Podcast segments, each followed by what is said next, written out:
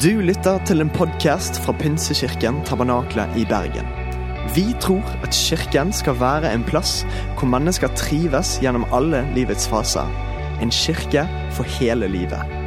Ønsker du å bli bedre kjent med oss eller holde deg oppdatert? Besøk vår Facebook-side eller ptb.no. Her er ukens tale. Eh, Et privilegium for meg å kunne være her. Eh, Jeg sier alltid hver gang jeg kommer til G19, at det er så kjekt å kunne få lov til å dele noe, for da får jeg lov til å, til å være med på G19.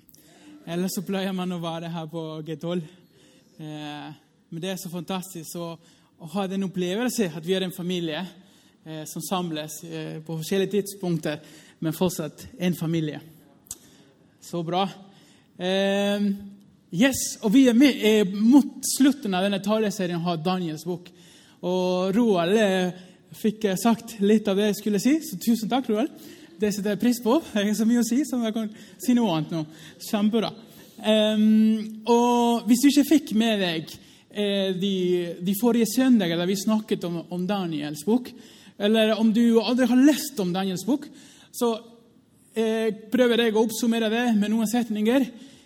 Israel, Guds folk, jødene, de er i et sted som heter Babylon. Det har skjedd en del ting eh, på den tiden som, eh, som førte til at de som eh, folkegruppe, håper jeg som en nasjon, fantes på den tiden i Babylon. Det var et imperie som var over den kjente verden på den tiden, som tok over Israel, og de tok med seg jødene til Babylon. Og det er der vi finner Daniel.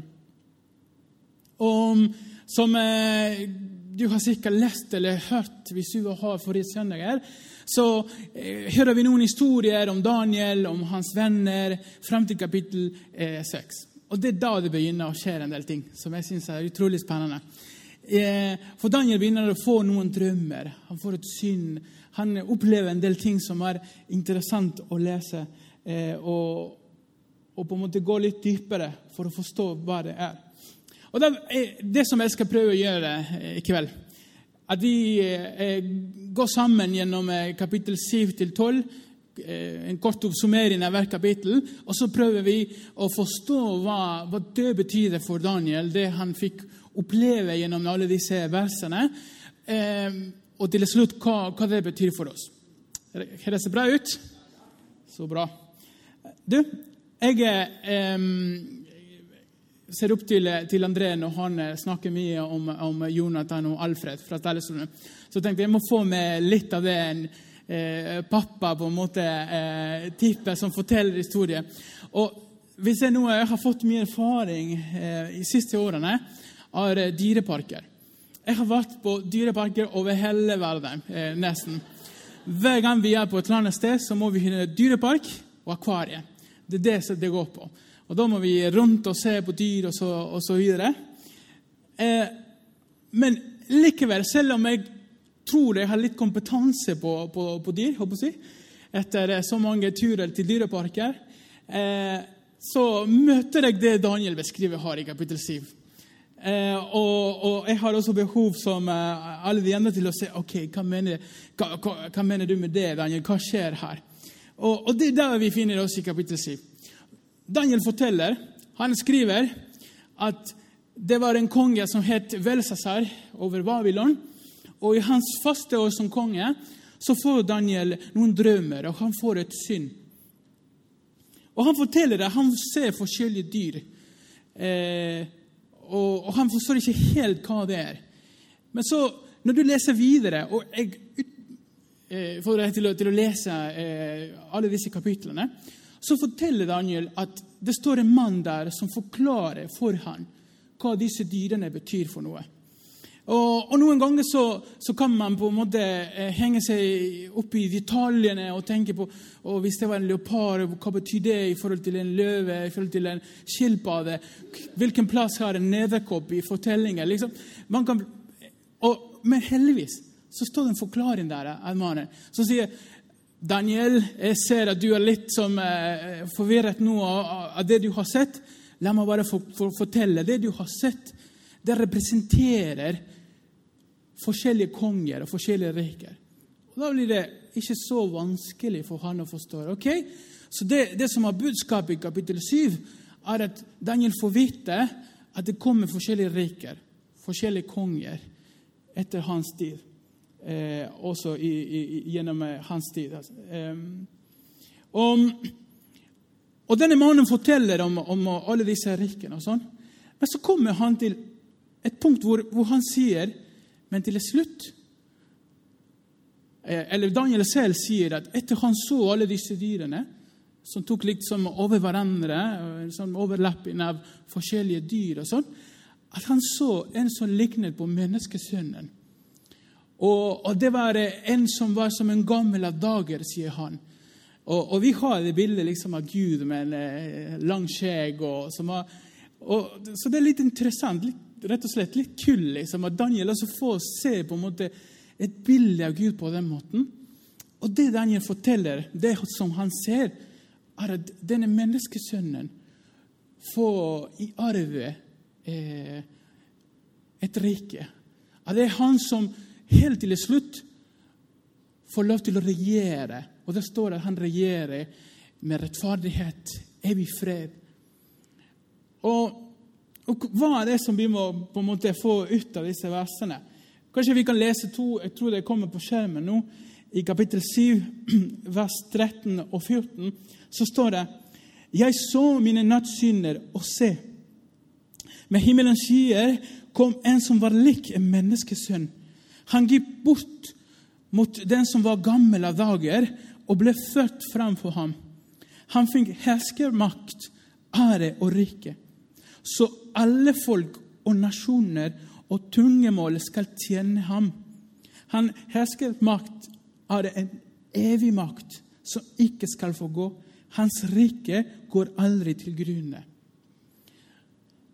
Så det Daniel får rett og slett oppleve, er en sånn forståelse at det skal komme en del konger, det skal komme en del riker, men helt på slutten så blir det en, et, et, annet type rike som skal være evig. Um, og du tenker, hvorfor, hvorfor, måtte han liksom få et sånn uh, syn? Uh, hvorfor måtte han drømme om det? Hva, hva, var det som skjedde med Daniel? Hva var det han pleide å spise liksom, til kveld som gjorde at han drømte sånne drømmer?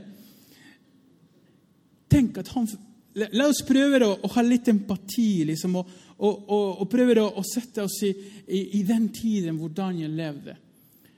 Tenk at du er en ung mann som har en karriere foran deg. Tenk at du er en som blander seg inn i politikk, og du, du begynner liksom å gå på en måte noen eh, si, trappetrinner i forhold til det partiet du, du, er en del av. Og, og det lover. Alle, alle, tenker på det. Du, du, du kan faktisk liksom bli statsminister. Du, begynner å ha litt innflytelse og sånn. Det var det Daniel var. Daniel var en person som var eh, en del av en måte, den gjengen. Som, som, som, folk hadde mange forventninger og sånn. Som var liksom i nærheten av, av kongene av Israel og sånn. Og så plutselig skjer dette med Israel, at de finner seg i et fremmede land i fangenskap. Kanskje noen drømmer som Daniel kunne hatt av, av å være et eller annet minister. Eh, det passer kanskje fint å et eller annet om naturen. Sant? Om han hadde fått ansvar for dyr og sånn. Det var bare en joke. Men eh, og, og, tenk at han som kanskje en 20-åring Kanskje han var ikke eh, eldre enn en, en vi som er her. Inkluderer meg selv i det. Come on. Og, og hele livet hans går med at han finner seg selv i et fremmede land, under en okkupasjonsmakt. Gud var med Daniel, for, for, for, til og med der han var, han fikk lov til å påvirke, til å gjøre mye bra. Og Det er fantastisk å se. Men likevel, det var et fremmede land. Det var ikke noe demokrati der. Det var en okkupasjonsmakt som var over den kjente verden. Og så kommer dette budskapet om, for, å fortelle Daniel hva som skulle skje i fremtiden. Og dessverre så Det var ikke sånn at han fikk vite ok, da er det snart slutt. Dere skal tilbake til Israel, alt skal bli fint igjen. Nei, det fortelles om forskjellige riker som kommer, og konger, og helt til slutt menneskesønnen. Og det, det gjør at Daniel liksom barer på noe byrde og, og går gjennom liksom, eh, dagene liksom med, med, med, disse tankene. Og så går det faktisk to år, og så får han et syn til. Og da er vi i kapittel åtte. Og det kommer igjen noen dyr her. Han forteller om at han ser to dyr.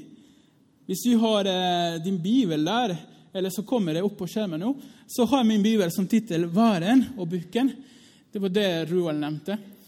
At Daniel ser rett og slett eh, i, i vers 3 løfter øynene og så se en vas sto ved elven. Den hadde to hånd. Begge håndene var lange. Og så fortsetter det. Eh, og så beskriver han i vers 5 mens jeg tenkte på dette, kom det en geitebukk fra vest. Og den får over hele jorden uten å komme nær marken. Bukken hadde et veldig eh, hånd i panen. Og bukken kom bort til varen med de to håndene, den jeg så stå foran elven, og den løp mot den med voldsom kraft. Og nå er det på tide å koble igjen den papparollen som er her. For det går veldig mye på bukken på russehjemmet. Og når jeg leser dette Jeg tenkte med en gang hvor, hvor kommer trollen?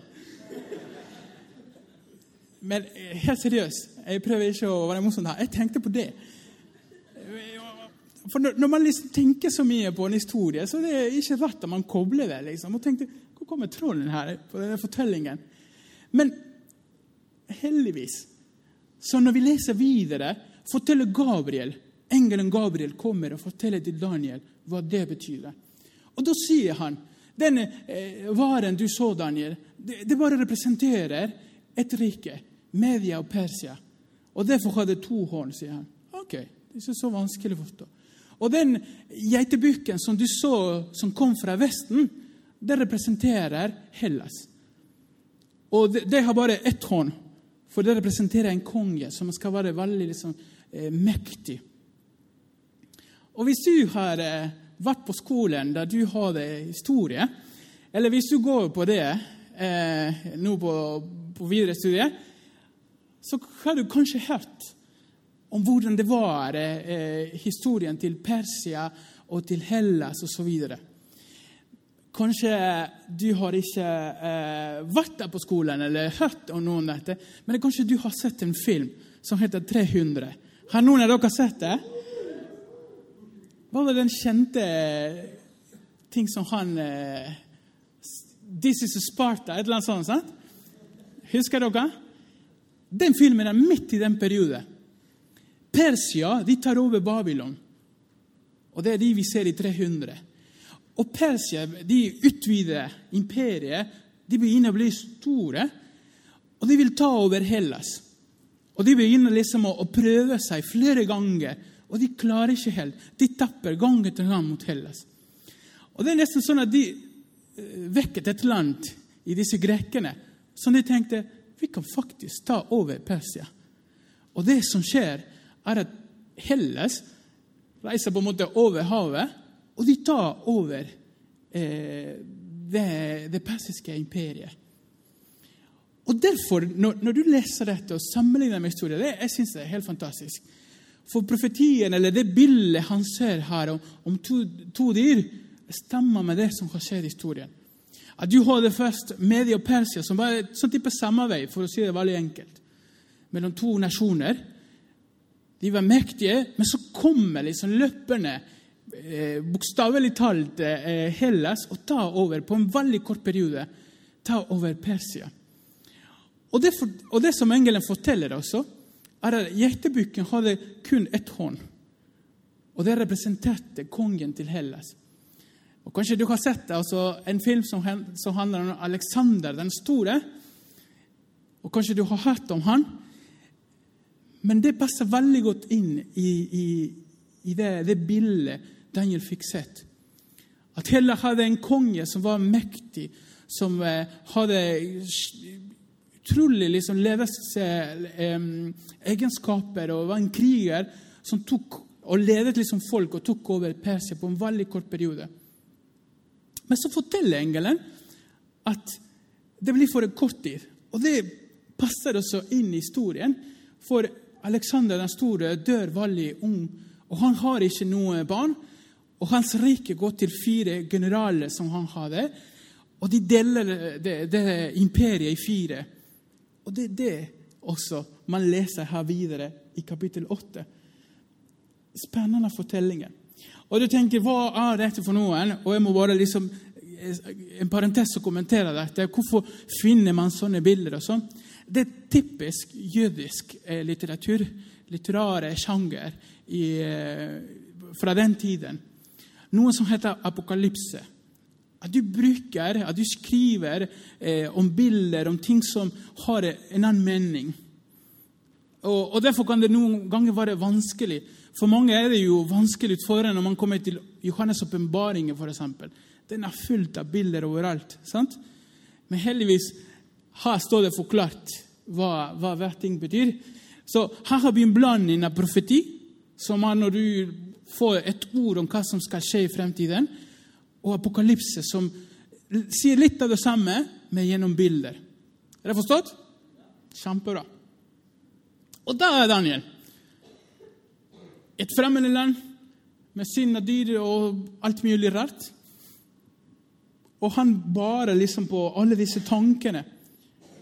Og så går han til Gud en gang og, og, og, og vil be over dette. Og Der kommer vi til kapittel 9. Hvis du har klart å ha fokus helt til nå, så, så, har du klart det. For det var den delen som er den mest jeg håper, krevende. Om dyrene sant? i 7 og 8. Men kapittel 9 Bare husk Daniels bønn. Og kapittel 10 og 11, eh, beklager, fra 10 til, til 12 så blir det et svar på Daniels bønn. Så da, da har du alle kapitlene. Bra. Så Daniel leser Skriftene. Han hadde ikke en bibel som vi har i dag, men han hadde Skriftene. Og så leser han noe som Jeremia hadde skrevet. Daniel levde, levde etter Jeremia. Jeremia levde før tiden i Babylon. Og Det som Jeremia hadde skrevet, var om, akkurat om dette, om fangenskap. Men det sto der også et ord fra Gud hvor han skriver at Israel skulle vare i fangenskap i en 70-årsperiode.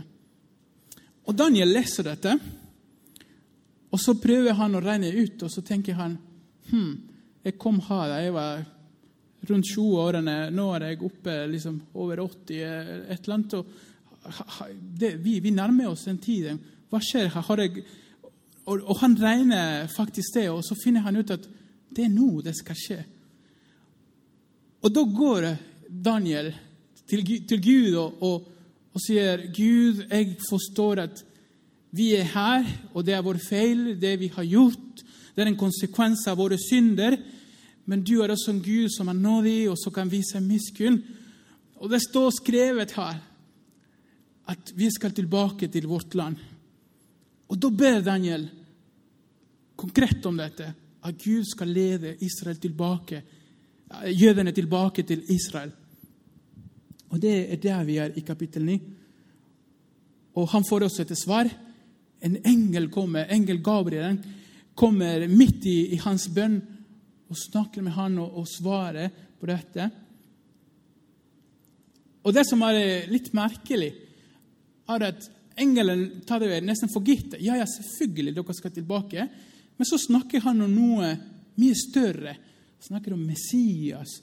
snakker om ja, dere skal tilbake. Va? Gjennombygge murene og templene og hele greien. Og I tillegg så nevner han Messias. Og Jeg kan tenke meg hvordan Daniel eh, kunne på en måte eh, føle det og, og, og være midt i, liksom, i den periode, fremmede land med mange eh, drømmer og forskjellige synd. og så når det kommer svaret, så kommer enda mer eh, informasjon om ting som han ikke visste om, om en Messias som skulle komme. Og stakkars han, han går gjennom eh, det og tar seg en tur ved elven, står det i kapittel 10. Nå har vi kommet til kapittel 10. Og, og han går sammen med noen kompiser, og plutselig ser de en mann som virket litt annerledes. Og det, og, og det står at Daniel ble helt alene. Du, du, har Daniel som går der sammen med Sondre og med noen andre her, og, og så ble han helt alene. De, de ble skremt av, av, det de så, og så sa 'Lykke til, Daniel, vi snakkes', og så flyktet de fra det stedet. Og Det finner vi i kapittel 10. Og, og så forteller han om, om dette i, i hele kapittelet. Og La meg bare lese en ting. Kapittel 10, vers 16. En som likner et menneske, rørte ved løpene mine. Da åpnet jeg munnen og talte, og han sier noe til han. Og så beskriver Daniel denne mannen. Og her finner jeg noe som jeg, ser jeg noe som jeg syns er helt sykt. Rett og slett. Det kommer nå opp på skjermen. For Daniels beskrivelse av denne mannen er helt likt av Johannes sin beskrivelse av Jesus i Johannes' åpenbaringen. Jeg prøver å, å, på en måte bruke en sånn type fargekode der. Med et belte av gull, Daniel, med et belte av gull om brystet. Øyne som luer av ild i åpenbaringen Øyene var som flammende ild. Føttene var som skinnende bronse. Føttene som bronse glødet i en ovn. Og siste Når han talte, lød stemmen som bruset av en folkemengde. Åpenbaringen og røster var som bruset av veldige vannmasser. Når Daniel møter Gabriel og den første mannen i kapittel 7 det var kanskje også en engel. Han kunne snakket med ham, det skjer ingenting. Men les hele kapittelen, hvordan han sier at han mister kraften i kroppen da han ser denne mannen. Han klarte ikke helt å være i hans nærvær. Og han opplever dette, og så kommer denne mannen og trøster Daniel og sier du er helt elsket, og, og gir han ny styrke for å ta imot budskapet han har for. Dere, jeg vil påstå at det var Jesus som viste seg for Daniel. Hvis du studerer Det gamle testamentet, så kan du finne flere steder hvor Jesus viser seg til forskjellige mennesker. Det er helt fantastisk å se. Og da får han et møte med, med en levende Gud der ved elven. Og da finner vi i kapittel 11 og 12 hva som denne mannen eh, Som han sier i 10-16, som ligner på menneskesønnen. Hva han sier. Og han gjentar litt av det han, eh, Daniel hadde sett gjennom bilder. Dette med Hellas og Media og Persia. Og så snakker jeg litt også om litt lengre jeg håper å si, fremtiden. Og da er vi i kapittel 12. Og La meg bare lese to, to vers fra kapittel 12. Det kommer også opp på skjermen. 12,2.: Mange av dem som sover i jorden Han snakker om framtiden, sant? Skal våkne, noen til evig liv. Vers, 12, eh, vers 13 av kapittel 12. Men du går nå mot enden, for du skal ville å oppstå til din arvedel ved dagens ende. Og som det står der, Gå endetiden i møte. Du skal ville å stå opp til din lov ved dagens ende. Og Det finnes mye av dette språket om endetiden, om enden. Men budskapet er det samme. Mange konger, mange reiker som skal eh, reise seg eh, gjennom tiden som kommer, Daniel. Men de skal også falle etter hvert. Men helt på slutten så blir det et evig rike. Så hvis du skal huske to ting fra disse kapitlene, med mange bilder og dyr osv. Husk på det, at det handler om konger og riker Gud gir på en måte en sånn eh, En fortelling av hva som skulle skje, med et løfte om et evig rike helt på slutten. Og Det tror jeg er noe vi kan forholde oss til. Og liksom å, å, å tenke på, ja, vi, vi, ser liksom gjennom historien har det vært mange forskjellige imperier og riker og konger her og der. Og det håper jeg om å tenke på en dag, så skal det også være et evig rike. Det er det håpet vi har. At en dag så skal han regjere.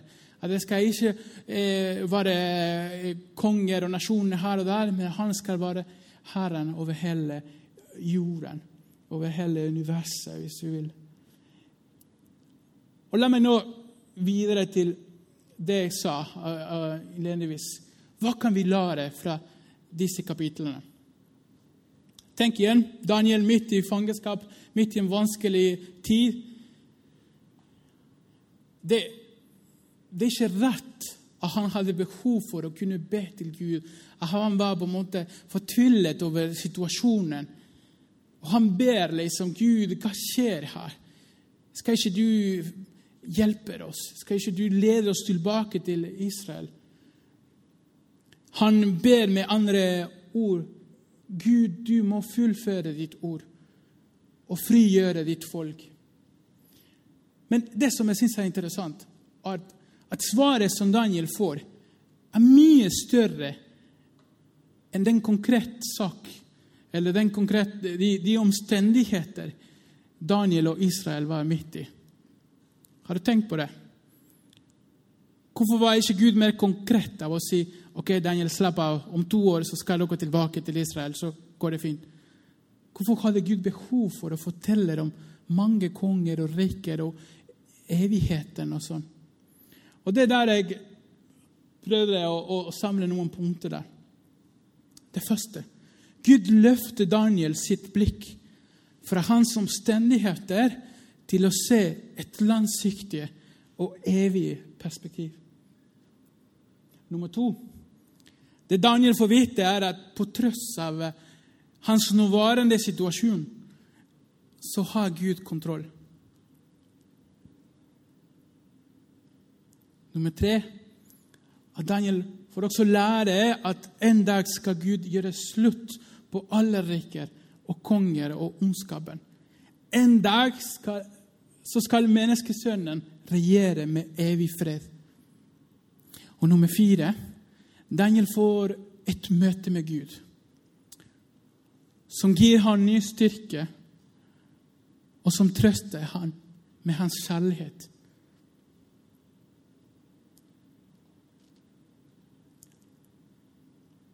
Går det bra?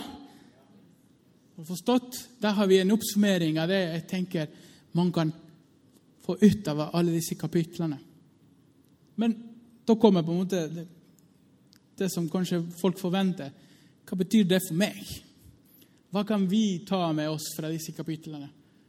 Og Da vil jeg på en måte bruke de samme punktene der som, som var på forrige slide.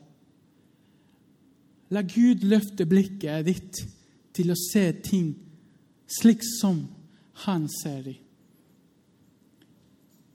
Gud har en plan for ditt liv.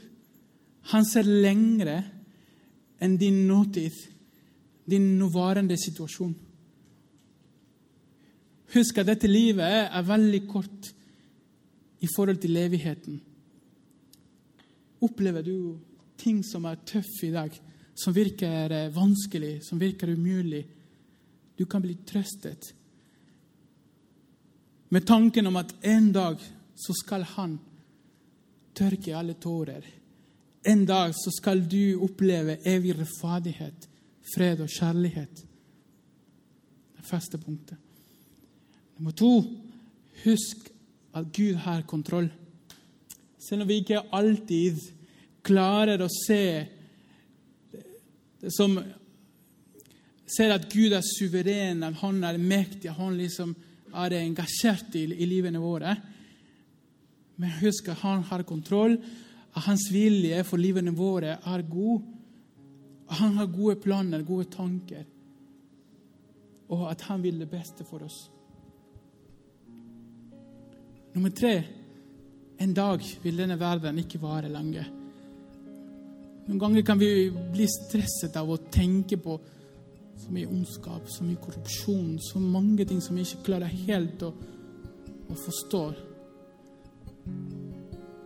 Og Det var der Daniel var også. Hvilken sjanse hadde de mot eh, disse imperier? Og midt i det så kommer liksom et budskap opp fra Gud. Jeg vet at det er tøft nå, men en dag så skal ting være annerledes. En dag vil det være kun en konge. Han som er herrenes herre, kongenes konge. En dag så vil det ikke være krig, korrupsjon eller ondskap. En dag så skal Jesus komme tilbake og skal regjere for evighet. Og det siste Du kan få lov til å møte Jesus i den situasjonen du befinner deg i. Et møte med Jesus kan forandre alt. Og han vil møte deg og si til deg, som han sa til Daniel, du er høyt elsket. Og han vil gi deg en styrke og mot for hverdagen. Midt i fangenskap fikk Daniel møte Jesus. Og midt der du er i dag, så kan du også få lov til å møte ham. La oss være sammen. Jesus, takk for ditt ord. Takk for at du har midt iblant oss.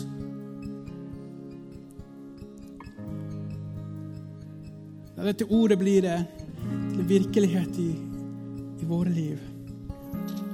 Jeg ber at du hjelper oss til å løfte blikk, til å se som du ser.